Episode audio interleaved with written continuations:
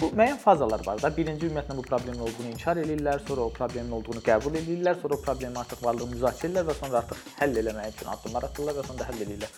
Biz artıq növbəti fazadayıq. Bu məsələlər müzakirə olunur. Yəni müzakirə olunur nədir? Mən düşünmürəm ki, 15-20 il əvvəl hansısa Aran rayonunda oturub çayçıda kişilər bir-birinə müzakirə eləyərdi feminizmlə.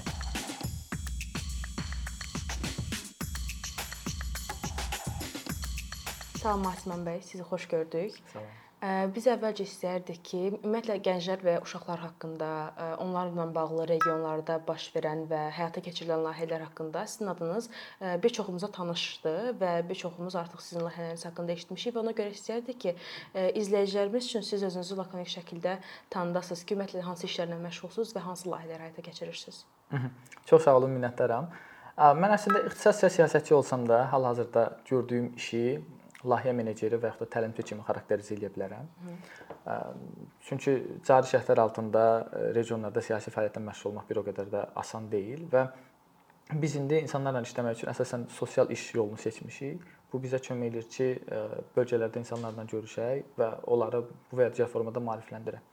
Və bunu biz sosial layihələr formasında eləyirik. Hal-hazırda bizim əsas istiqamətimiz son bir neçə ildə uşaq hüquqları və gender bərabərliyi məsələsidir. Biz bu məsələləri bir qədər belə deyək, uzun müzakirələr sonrasında qərar vermişik ki, hansı məsələlərlə bağlı regionlarda işləmək həm effektivdir, həm də təhlükəsizdir. Bunların bir qızıl ortasını tapmaq lazım idi. Təhlükəsizdir, bunu bir neçə aspektdən baxa bilərik. Birinci ona görə ki, inzibati olaraq çətin deyil bunları eləmək. İkinci də odur ki, həmin ərazinin əhalisi üçün, həmin ərazidə yaşayan əhali üçün və oranın resursları üçün uyğundur bu təlimlərin mövzuları. Hə, hələlik bizim layihələrimiz deyə bilərəm ki, bu bu sahədədir və Azərbaycanın demək olar ki, hər bölgəsində bu təlimlərimiz davam eləyir. Təxminən belə deyək də 2015-dən mən bu sahədə məşğul oluram və son 2 il yarımdır ki, belə deyək, karantinin o ən qızğın dövründən bir qədər aşağı düşəndən sonra başlamışıq bu fəaliyyətə və Nazirlər Kabinetinin qərarları imkan verdiyi, o məhdudiyyətlər imkan verdiyi dərəcədə bu fəaliyyətdə məşğul Azərbaycan hər yerində. 7 il heç də az bir müddət deyil bu işlərlə məşğul olmaq üçün və bilmək istəyirdik ki, bu e, xüsusən də regionlarda həyata keçirdiyiniz layihələrdə iştirakçılar uşaqlar və gənclərdirsə, e, onlar sizin layihələrinizdən e, nə götürürlər, hansı vərdişlərə yiyələnirlər və onların gələcəyində bu vərdişlər, bu biliklər necə təsir edir, necə bir rol oynayır? Çox sağ olun. Əslində 7 il doğrudan da uzun bir müddətdir bu işi görmək üçün. Hı. Amma bu işin nəticələrini görmək üçün o qədər də uzun müddət deyil. Təsəvvür eləyin, bizim işlədiyimiz uşaqların orta yaşı 13 14-dür və indi onlar 20 yaşındadır. Yəni onlar indi ən yaxşı halda tələbədirlər. Ona görə də biz onların yekun karyerasını hələ ki görməmişik ki, bizim ilk dəfə mənim 2015-də təlim keçdiyim hansısa bir yeniyetmə uşaq indi haradadır, onu görmək hələ ki mənim üçün çətindir, böyük bir portret formalaşdırmaq. Amma ə, e, sosial işdə qısa, orta və uzun müddətli hədəflər var və təsirlər var və biz ən azından o qısa müddətli təsirləri görə bilirik ki, onların universitet həyatı, normalda hər hansı bir rayon uşağının planlaşdırıla bilən universitet həyatından daha aktivdir və yaxud da düşüncə tərzi daha genişdir və yaxud da onun öz yaşadığı ərazidə dostlarına, ətrafında olan insanlara təsiri bir qədər fərqlidir, düşündüyümüzdən daha yaxşıdır və yaxud da biz ora getməsəydik bundan daha pis olardı. Biz bu formada orta müddətli təsirlərini ölçə bilirik. Amma dediyim kimi uzun müddətli təsirləri ölçmək üçün həzə bizə bir neçə ildə vaxt lazımdır, üstəgəldə bir e, metodologiya lazımdır ki, bu metodologiyanın köməyi ilə biz ölçək ki, onlar hardaydılar, hardan başladılar, harda bitdilər və hələ ki bu metodologiyanı da belə deyək, hazırlamaq üçün kifayət qədər resursumuz yoxdur və hələ ki o qədər uzun müddətli fəaliyyət göstərmirik. Hı. Bəs bu metodologiyaları hazırlamaq üçün resursdan başqa sizə nə lazımdır, hansı ki ona çatışmır? Açığı təlimlərin özü qədər bu metodologiyanın özü də çox çox vacib məsələdir. Nəyə görə? Məsəl üçün siz demokratik ölkələrdə baxsaz seçki qabağı partiyalar insanların rəyini öyrənmək üçün milyonlarla manat pul xərcləyirlər. Təxminən bu ekvivalentdə pul xərcləyirlər. Nəyə görə? Sırf düzgün metodologiyanı qurmaq üçün. Çünki sorğu belə olmur da. Ki, gedirsən, soruşursan ki, sizin nəyə ehtiyacınız var? Buna, buna, buna və onları qeyd eləyim, onda bunlar üzərində işləyim. Bu bu qədər sadə bir proses deyil. O metodologiya tutaq ki, hansı insanlardan soruşacağıq, sualı hansı formada qoyacağıq ki, o doğrudan da öz şuur altındakı fikirləri səsləndirsin. Yəni qərəzli yox da öz öz şəxsi fikrini səsləndirsin də, ta ki nəyisə hesablamasın ki, məndən bunu soruşurlar, sonra qoy belə cavab verim ki, belə olsun. Hə, bu bu əslində həm xərc tələb edən bir işdir, həm ixtisaslaşma tələb edən bir işdir, həm də böyük bir maliyyə resursu tələb edən işdir. Ona görə də bunun üçün ən azından artıq layihələrimizin biz miqyasını böyütməliyik, büdcəsini böyütməliyik. Bu həm bizdən asılıdır, bizim komandamızın fəaliyyətindən asılıdır, həm də donorların bizə etibarından asılıdır və yaxud da Azərbaycan hökumətinin qeyri-hökumət təşkilatlarına verdiyi imkanlardan asılıdır ki, biz o maliyyə imkanlarına çata bilirikmi, o qrantları qeydiyyata ala bilirikmi? Bunlardan asılıdır. Mən eyni zamanda bilmək istərdim ki, sizin layihəniz e, artıq uzun müddətli davamlılığı olan bir layihədir, layihələrdən biridir deyək. E, bəs nəyə görə əvvəllər e, sizin indi sizin və digər həmkarlarınızın regionlarda bacardıkları şeyi əvvəllər bacarmaq mümkün olmurdu? İndikindən əvvəlki belə layihələrin indikindən əsas fərqi nə idi? Bu bu çox maraqlı sualdır. Mən elə özüm də sosial işə başlayanda öz həmyaşıdlarımla peer-to-peer education deyirlər, işləmək üstünlük verirdim və mən həm yaşlarım da gənc idim, mən özüm də gənc idim və uzun müddət Azərbaycanda sosial iş gənclərlə gedib. Çünki düşünürlər ki, uşaqlar məktəbdədir və uşaqlar uşaqlara çatmaq çətindir. Çünki uşaqlara çatmaq üçün valideynlərə çatmaq lazımdır və valideynlər də məşğuldur, onlar maraqlı deyillər uşaqlarından durub bir də maraqlansınlar ki, onsa dərsə gedir də bir də əlavə sosial fəaliyyətə getsin. Və rayonlarda da illərdir işlər gənclərlə gedirdi. Və biz reallığı nəzərə alsaq ki, rayonda yaşayan 20-21 yaşlı gənc o deməli universitetdə oxumur və ya kollecdə oxuyur və kollecə də ya valideynin məcburiyyəti ilə gedib ya da hansısa formada gedib və onların həm bacarıqları aşağıdır, həm də cəmiyyətlə bağlı məsuliyyəti aşağıdır. O o qayğını bildir, vətəndaş məsuliyyətini hiss eləməyən təbəqə olur əksərən. Amma bir bir müddət bu təlimləri davam etdirəndən sonra biz qərar verdik ki, uşaqlarla işləyək. Bu həm bizim qərarımız oldu ki, uşaqlara təsir eləmək həm effektivdir, həm də ki, hansısa formada daha uzun müddətli hədəfdir.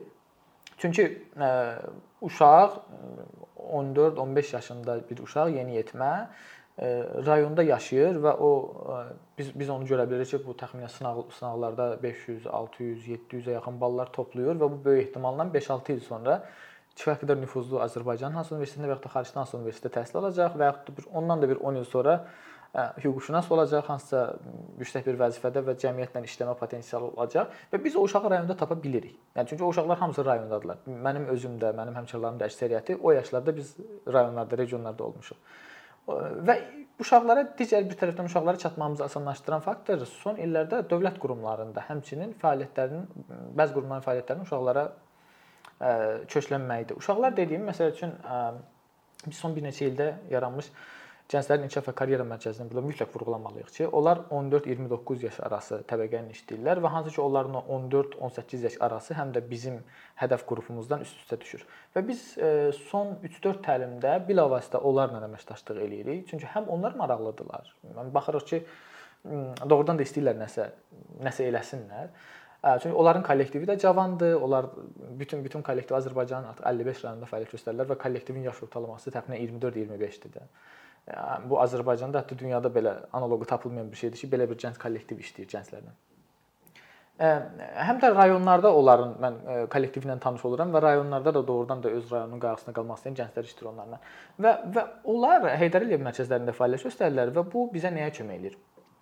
Onlar valideynlərə və yaxud da məktəblərə hansısa formada müraciət edirlər ki, təlim olacaq və uşaqlar gəlməlidir. Və valideynlər və yaxud da müəllimlər düşünür ki, bu uşağı hara göndərdik? Heydər Əliyev mərkəzinə. Çünki Heydər Əliyev mərkəzində əgər buna bir zərərli təlim keçilsə və yaxud da belə deyək, hansısa formada təhlükəli bir proses olsa, buna Heydər Əliyev mərkəzinə buraxmazdı. Bu bir növ valideyndə də güvən yaradır. Və təəssüflər olsun ki, hələ də valideynə güvən yaratmağın yolu bunun hansısa bir dövlət xətti ilə olduğunu ona sübut eləməkdən keçir. İlkin versiyadan azdan belədir. Və bu bu bizə xeyli kömək olur. Könül istəyərdi ki, biz e, rayonlarda qeyri-hökumət təşkilatları ilə, yəni dövlətdən daha müstəqil bir qurumlarla işləyək. Onların da sosial bazası olsun və bu hal-hazırda yoxdur deyə biz e, dövlət qurumlarına işləmək məcburiyyətində qalırıq ki, valideynlərin də güvənini qazanaq, uşaqların da güvənini qazanaq müəllimlərin də güvənini qazanaq və elə o rayonda fəaliyyət göstərən dövlət qurumlarının da güvənini qazanaq ki, bizim orada fəaliyyətimiz uzun müddətli olsun.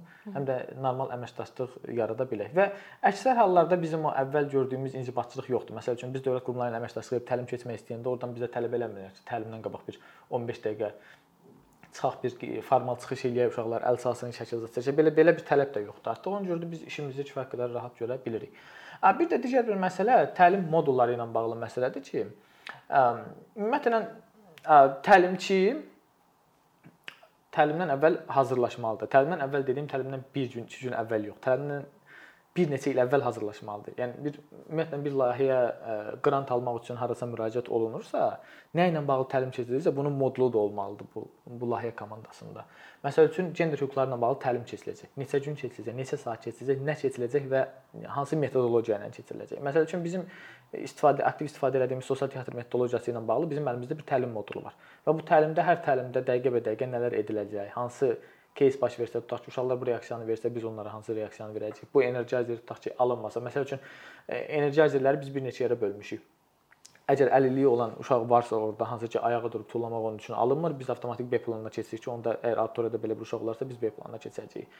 Və yaxud da ə, e, Azərbaycan dilində məsələn biz Qusar rayonunda ə, e, Azərbaycan orada uşaqlar əksərən ləzgi və rus dillərində danışırlar orada biz müşahidə edirik ki, Azərbaycan dilində kommunikasiya çətindir. Ona görə içində çoxlu söz ehtiva edən yox da, daha çox hərəkət ehtiva edən e, enerji əzərlərdən istifadə edir. Bunlar əvvəldən hazır olmalıdır. Bunlar hazır olmayanda, auditoriya əvvəldən nəzərə alınmayanda bu təlimin effektivliyi əlbəttə ki, aşağı düşür.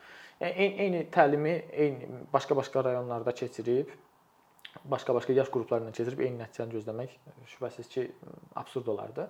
Bu son illərdə bu təlimin uğur bu, bu cür təlimlərin uğur qazanmağının bir nömrəli səbəbi də elə məhz e, effektiv təlim metodologiyasının qurulmağa başlanmasıdır. Çünki Azərbaycanda da son bir neçə ildə aktiv iş görülür. Avropa Şurasının təlim metodologiyalarının, modullarının və əl kitabları deyirlər də səhv eləmirəmsə, onların artıq Azərbaycan dilinə tərcümə olunması prosesi ciddi başlayıb və onlardan da biz özümüz də elə iştirak eləmişik. Avropa İttifaqının bəzi layihələrində ki bu təlim modullarının hazırlanmasında öz bizim də payımız olub. Onlar kifayət qədər son illərdə canlanma gətirib və effektivliyini biz açıq şəkildə görə bilirik. Hı -hı. Mən bilirəm ki və mənə elə gəlir ki, sizi tanıyan və layihələrinizi izləyən insanlara artıq məlumdur ki, sizin istifadə etdiyiniz metodlardan biri də sosial teatrlardır. Bu maraqlı bir termindir və yəqin ki, sizin gənclər, sizin iştirakçılarınız da eyni düşünürlər, ümid eləyək. Bəs sosial teatrlar ümumiyyətlə nədir? Bu format necə yaranıb və siz bu formatı necə tətbiq edirsiniz? Çox sağ olun. Deməli sosial teatr əvvəla biz niyə seçmişik ondan danışım. Ə, teatr ümumiyyətlə ə, təlimlərin bir neçə növü var da. Ya mühazirə formatında biz uşaqlara təlim deyə bilərik, biz deyək onlar qulaq asar, ya bu ə, mühazirə yox da müzakirə formatında ola bilər, bir dərin masa təşkil edə bilər, uşaqlarla fikir bölüşə bilərik. Sosial teatr o formatdır ki, biz uşaqlara nə isə öyrədirik interaktiv formada və sonra uşaqlardan öyrəndiklərini bizə incəsənət vasitəsilə və bizim seçdiyimiz metod teatrda teatr vasitəsilə bizə geri qaytarmağını, bizə həm də öz bildiyi həm yerlərinə, yaşadığı bölgənin sakinlərinə çatdırmağını istəyirik. Bunun faydası nədir? Təsəvvür edin biz bir bölgəyə ziyarət, bölgəni ziyarət edirik və bu bölgə biraz konservativdir. Xüsusən məsələn Aran bölgəsində, Cənub bölgəsində biz bunu daha çox müşahidə edirik. Və bizim onlar üçün belə deyək, istehsal etdiyimiz fikirlər onlara yaddır. Yəni ola bilər ümumi belə televizordan, mediadan oxuduqları ümumi mainstream fikirlər var, amma bir insandan onu eşidirlər, fərqli formada eşidirlər və onun özəyini eşidirlər o fikri. Bu onlar üçün yaddır. Və onlar bu yad fikri bir həftə içərisində qəbul edib, emal edib öz fikirləri kimi özlərinə belə deyək, aid eləyə bilməzlər. Sosial teatr bizə burada kömək eləyir ki, uşaqlar o fikri eşidir, hətta bizlə razılaşmasalar da belə, sonra bu mövzuda teatr quranda artıq o mövzu ilə doğmalaşırlar. Çünki biz uşaqlardan istəyirik ki, ssenarini özləri yazsınlar, bu teatrın ssenarisini, rolları özləri bölsünlər və ora bir əmək qoyulur. Və bu əməyin nəticəsində artıq orada göstərdikləri mövzu, məsəl üçün gender əsaslı zorakılıqla bağlı bir tamaşa göstərirlər ki, hansısa qız erkən yaşda evləndirilir.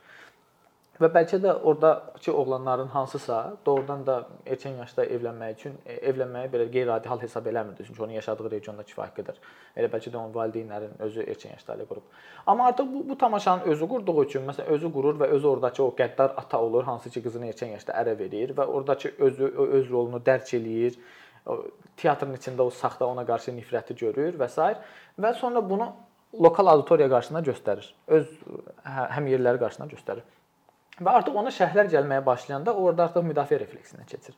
Göstərdiyi tamaşadakı məzmun nədirsə, onu özünə aid eləyir və bunu öz məhsulu hesab eləyir. Bu bizə kömək eləyir ki, artıq uşaqlar e, öyrəndiklərini sadəcə yad bir fikir kimi yox, öz fikirlər kimi qəbul eləsinlər. Və bu e, bayaq dediyim qısa, orta, uzun müddətli hədəflər. Bu bizim orta müddətli hədəfimizdən biridir ki, orta müddətdə e, ətrafındakı insanlarla artıq o konflikt yaşayanda bu konflikt söhbət fiziki zorakılıq konfliktdən getmir də, fikir konflikti yaşayanda. Bu artıq ə, e, özü bir cəbhə qoyur ki, Onun fikri budur və bu fikri başqalarından müdafiə etməlidir. Və bu da ona kömək edir ki, məsələn üçün bir dəfə, iki dəfə görür ki, tutaq ki, bir, bir neçə nəfər yığılır və onun bu fikrini əzməyə çalışırlar. Artıq gedir öz evdə araşdırır. Ya bizə yazır ki, müəllim keçən dəfə belə demişdiniz. Mən uşaqlarla keçən dəfə müzakirə edirdim. Mənə biri belə dedi. Bəs belə soruşanda nə cavab verim? Və artıq o bu bu fikri müdafiə etmək üçün yeni-yeni yollar axtarır. Bizdən soruşur, internetdən axtarır və yaxud da televiziyada görəndə, eşidəndə hardasa gedir, yaxın oturur ki, qoy görüm burada nə deyirlər. Bu fikri özlərinə doğmalaşdırır. Biz buna görə də sosial teatrdan istifadə edirik. Sosial teatrın məzmun olaraq mahiyyəti budur ki, hansısa bir sosial problemi götürür və o problemin özünü göstərir, o problemin ə, həll yolunu göstərir ardınca. Və bu, formada belə deyək ki, biz nələrəsə nail ola bilirik. Hı -hı. Elə siz gender mövzusuna toxundunuz. Biz istəyərdik ki, elə bu mövzudan davam eləyək. E, artıq gender mövzusunda bu yaxşı bir haldır ki, həm QHT-lər çoxalıb, həm bununla bağlı layihələr çoxalıb, nəinki şəhərdə, eyni zamanda regionda. Hı -hı. Amma bilmək istəyirdik ki, e, bu çoxalmış layihələr e, belə regionların gündəlik həyatında nəsə bir dəyişikliyə yol açılım açılmaya nəsə bir təsir göstərirmi ümumiyyətlə? Yəqin ki, bu ifadəni siz çox eşitmisiniz, elə hamımız çox eşitmişik ki, Sovetin vaxtında belə şeylər yox idi. Hı. Bu çox ə, belə deyək də adi bir analogiyadır ki, əvvəl media bu qədər çox inkişaf eləməmişdi, informasiya belə çox sürətlə yayılmırdı deyə əvvəl gender əsaslı zorakılıq bir o qədər də görünən deyildi. İndi artıq medianın köməkliyi ilə biz daha çox görməyə başlayırıq. Və hər rayonda demək olar ki, hər gün xəbərlər alırıq ki, filan rayonda zorakılıq baş verdi, kimisə e, erkən yaşda ərə verdilər, hansı uşağı döydülər və yaxud da ümumiyyətlə məişət zəminində kimsə öldürüldü. Bunları artıq tez-tez görürük və hər rayonda görürük və bunlar artıq müzakirə olunmağa başlayır. Bu müəyyən fazalar var da. Birinci ümumiyyətlə bu problemin olduğunu inkar eləyirlər, sonra o problemin olduğunu qəbul eləyirlər, sonra o problemi artıq varlığını müzakirə edirlər və sonra artıq həll eləmək üçün addımlar atırlar və sonra həll eləyirlər. Biz indi artıq bir faza yüksəlmişik. Bu sadəcə bizim təlimlərimizin uğuru deyil. Bu cəmiyyət olaraq bizim uğurumuzdur ki, biz artıq növbəti fazadayıq. Bu məsələlər müzakirə olunur. Yəni müzakirə olunur nədir? Mən düşünmürəm ki, 15-20 il əvvəl hansısa Aran rayonunda oturub çayçıda kişilər bir-birinə müzakirə eləyərdi feminizmmi. Amma indi artıq feminizm müzakirə olunur. Məsələn, e, feminizm ittiham olunur. Əksərən də ittiham olunur. Feministlər əxlaqsızdırlar, feministlər ailə dağıdırlar, feministlər onu eləyir, feministlər bunu eləyir. Amma ən azından müzakirə eləyirlər. Bu bu nədirsə. Çünki artıq onlar şuur altında bir yerdə hardasa bunun doğruluq payını qəbul eləyiblər və belə deyək də dırnaqarası ehtiyat eləyirlər ki, patriarxallıq artıq zəifləyir və qadın haqqları get-gedə cəmiyyətin içində güclənir. Bu artıq o deməkdir ki, indi müzakirə fazasındayıq və bir müddət sonra da müzakirə fazası həll yolu fazası ilə əvəzlənəcək. Bunun üçün də təxminən bizə elə bir 10-20 ildə lazımdır. Yəni bizim gözümüzlə gördüyümüz dəyişiklik budur ki, bəli rayonlarda bunu müzakirə edən insanlar var və artıq debatın artıq iki tərəfi var. Həm ittiham edən tərəf var, həm də artıq müdafiə edən tərəf var. Yəni müşahidələrimiz bizi yanıltmırsa əgər, doğrudan da bu təlimlərin həm bizim təlimlərin, həm digər qeyri-hökumət təşkilatları hansısa işləyir və hətta deyərdim ki, dövlət qurumları da son vaxtlarda aktiv cəlb olunublar bu fəaliyyətə. Təsiri gözdən görünəndir. Bu təsirə ümumiyyətlə misal verə bilərsinizmi? Məsəl üçün elə şəxsi təcrübələrimdən misal verim. Bu yayda 2021-ci ilin yayında Xaçmazda oldu bu hadisə, səhv xatırlamıramsa. Bir dənə valideynin demək bir tamaşa göstərdi uşaqlar, sosial tamaşa və bu sosial tamaşa gender uşaqlara verilən gender rolları ilə bağlı idi tutaq ki, qız onu eləməz, oğlan bunu eləməz və tamaşanın hansındasa oğlan səhv eləmirəmsə aktyor olmaq istəyir və atası da deyir ki, də sən kişisən, get kişi sənəti seç, burdan pul qazanmazsan filan. Nəsə müzakirə valideynlər arasında başladı və müzakirə bura gəldi ki, bir valideyn orada dedi ki, Deyir, mən hər şeyi qəbul edirəm, amma oğlum sırğa taxsın, saçını uzatsın, bunu qəbul eləmərəm. Məsəl üçün e, çox stereotipikal bir düşüncə var ki, bölgələrdə bu kifayət qədər normaldır da ki, yəni bir valideyn oğlunun saç uzatmağına və sırğa taxmağına pis baxsın. Amma siz təsəvvür edə bilməzsiniz ki, həmin an necə o valideynin özü bullinqə məruz qaldı orada. E, və bu həm bizim üçün təəccüblü idi.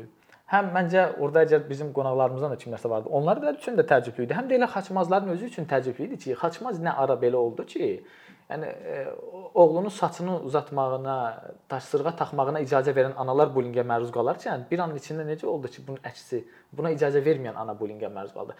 Məncə rayonların çoxunda bu bu yetişib artıq, bu bu hava var. Sadəcə olaraq bizim həmin teatr tamaşaları o mühit idi ki, insanlar gördü ki, moderator kifayət qədər, yəni moderator söhbət bizdən gedir. Moderator kifayət qədər tolerant yanaşır, uşaqların özü artıq kifayət qədər yetişib öz fikirlərini səsləndirirlər, nələrsə tələb eləyirlər və valideynlər də artıq hiss elədi ki, yəni yer buradır. Artıq burdan hardasa başlamaq lazımdır. Bəlkə də balaca bir zal idi, orada 50-60 nəfər var idi. Sadəcə oturmurcuq idi və insanlar bildilər ki, deməli biz əslində fikrimizi desək və insanlardan dəstək görsək, kütləviləşə bilərik. Məsələn bu bu bizim üçün real bir nümunə idi. Düzdür, bunun əksini də kifayət qədər çox yerdə görmüşük. Amma bir bir real nümunədir ki, mən Bakıda bunu desəm, desəydim belə bir şey baş vermədən ki, rayonda bu baş verə bilər, bu inandırıcı olmazdı. Bəlkə mənim özüm üçün inandırıcı olmazdı.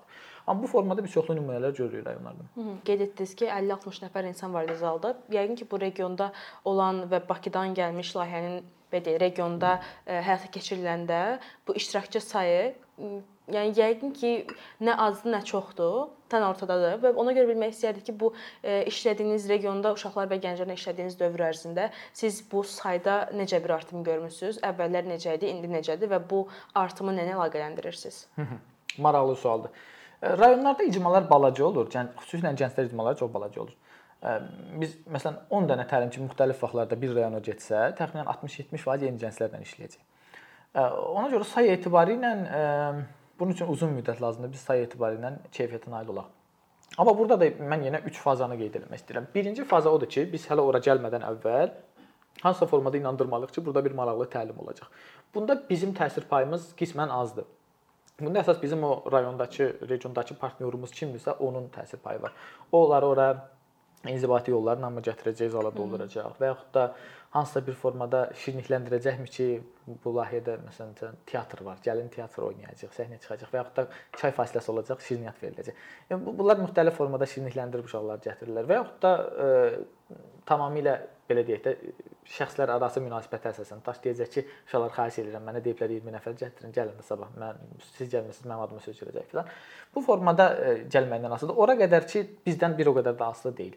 Bizim işimiz başlayır. Məsəl üçün əgər bir 5 günlük təlim modulu icra edirsə, bizim işimiz başlayır onun birinci gününün ilk 4-5 saatında nə qazandıqsa odur. Və ondan sonra artıq biz dəfələrlə müşahidə eləmişik ki, uşaqlar gəlirlər birinci gün başlayırlar artıq saata baxmağa hardasa tutaq ki, bizim məşğələmiz var, 9-cu, 10-cu, 11-ci siniflərə aiddir. O bizim məşğələmiz var, getməliyik və yaxud da sadəcə heç bir səbəbi yoxdur, amma oturmaq istəmir də, çünki onun belə bir vərdişi yoxdur ki, belə qeyri-formal təhsil ehtiva edən bir təlimdə otursun.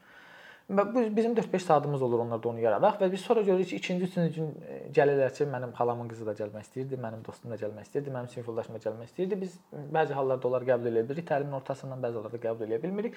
Amma ən azından bunu görürük və bizdən asılı olan hissəsinə biz kifayət qədər ə, belə deyək də pozitiv şəkildə müdaxilə edə bilirik ki, o uşaqların sayı artsın.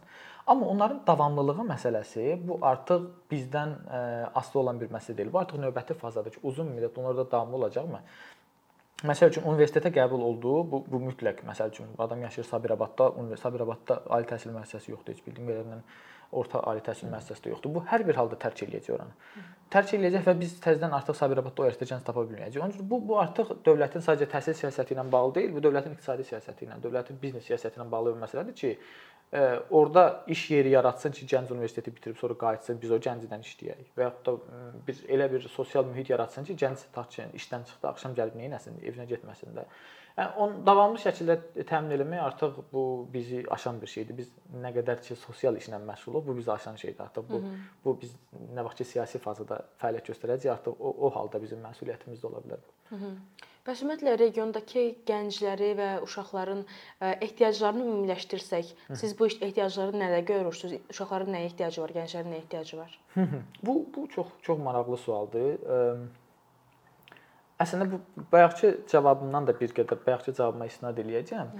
Am məktəblilər üçün ə, belə deyək, onlar bir o qədər də başqa ölkələrdə, başqa şəhərlərdə nəyin yaşandığını bir o qədər də bilmirlər deyə məktəblilər üçün bir qədər az sıxıcıdır rayonlar. Amma məsəl üçün universitetdə təhsil alıb almış gənci heç cür rayonuna qaytarmaq mümkün deyil. Əgər onun üçün xüsusi bir motivasiya yoxsa, bu motivasiya ola bilər çox yüksək məbləğdə pul, çox yüksək məbləğdə pul. Yəni söhbət təxminən Azərbaycan standartlarında 5-10 min manatdan gedir ki, sən onu o pulu verəsən çox qalsın rayonunda. Bunlara dözməli olsun da bir növ həm konservativ düşüncə tərzinə dözməli olsun, həm infrastruktursuzluğa dözməli olsun, həm sosial məkanların olmamağına dözməli olsun və yaxud da başqa hansısa bir sosial motivasiya olmalıdır. Məsəl üçün hansısa rayonda bir qeyri-hökumət təşkilatı yarada yaradıla bilər və onun ətrafında elə bir gənclər qrupu toplaşa bilər ki, artıq ora məsələn mərkəzə çevrilsin. Məsəl üçün deyirəm, əgər bizim kifayət qədər böyük bir maliyyə resursumuz olsa və biz təsadüfi bir pilot şəhər seçsək, məsəl üçün Ağsu və biz Ağsuda tutaq ki, 50-60 nəfərlik gəncin orada mütəmadi olaraq işləməsinə, yaşamasına şərait yarada bilsək, biz mən əminəm ki, bir neçə il sonra Ağsu gənclər şəhəri olacaq. Hı -hı. Və ta ki gənclər artıq tez-tez Ağsuya gəlib getməyə başlayacaq. Məsələn, Ağsuda ə, belə deyək də barlar açılacaq, publar açılacaq, gənclər üçün ə, bu kafelər açılacaq və insanların maraq obyektinə çevrilə bilər. Məsəl üçün Biz Lənkəranda bir neçə il əvvəl Tor kafeni misal göstərə bilərik ki, Lənkəranda məsəl üçün belə bir sosial obyekt yox idi ki, gənclər orada birləşsin. Amma həmin gənclər Lənkəranda var idi. İndi məsələn Tor kafe var və Lənkəran bölgənin gənclər mərkəzinə çevrilir məsələn.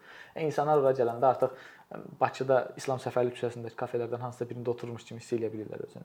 İndi onun daha böyük belə deyək, miqyasda olanı, daha böyük maliyyə resursu, daha böyük sosial resursla olan bir versiyası ilə biz nələrə nail olar. Amma hazırki vəziyyətdə bu yoxdur. Və uşaqlar bunun çatışmazlığını necə, daha doğrusu gənclər bunun çatışmazlığını necə çəkir? Gənclər ə, belə bir kafedə oturub çay içə bilmirlər. Ə, münasib bir kafedə oturub çay içə bilmirlər. Bu epizodik bir şey oxşuyur. Yəni çay içməsən yaşaya bilməzsən ki, bir gün yaşaya bilərsən, amma ömür boyu yaşaya bilməzsən.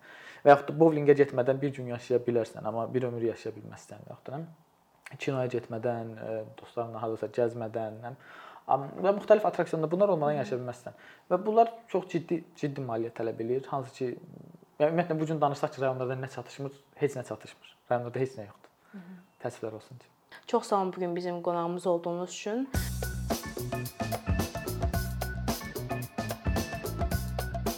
Bir neçə ildir ki, əkinçi olaraq azərbaycanlı izləyicilərin hər zaman faydalana biləcəyi keyfiyyətli və ən əsas ödənişsiz kontent hazırlamağa çalışırıq. İndiyədək təqdim etdiyimiz onlarla animasiya və yüzlərlə çəkilişlər tələbələrin, mütəxəssislərin, müəllimlərin və ümumiyyətlə yeni mövzulardan xəbərdar olmaq istəyən çox sayda insanın marağına səbəb olub.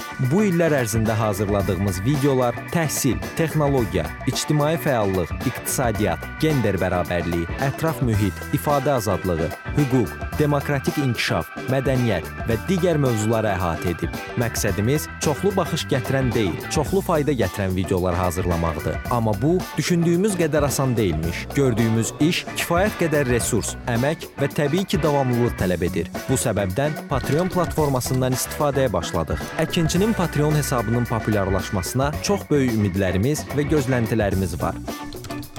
Bəziləriniz Patreon haqqında ilk dəfə eşidirsiniz. Əslində çox sadə izahı olan bir platformadır. Təsəvvür edin ki, siz rəssam və ya musiqiçisiniz. Sosial şəbəkələrdə sizi izləyən, işinizi bəyənən çox sayda insan var. Patreon platforması sizə imkan verir ki, izləyicilərinizin könüllü aylıq ödənişləri sayəsində işinizi davam etdirəsiniz. Sərgi, konsert zallarından asılı qalmayasınız.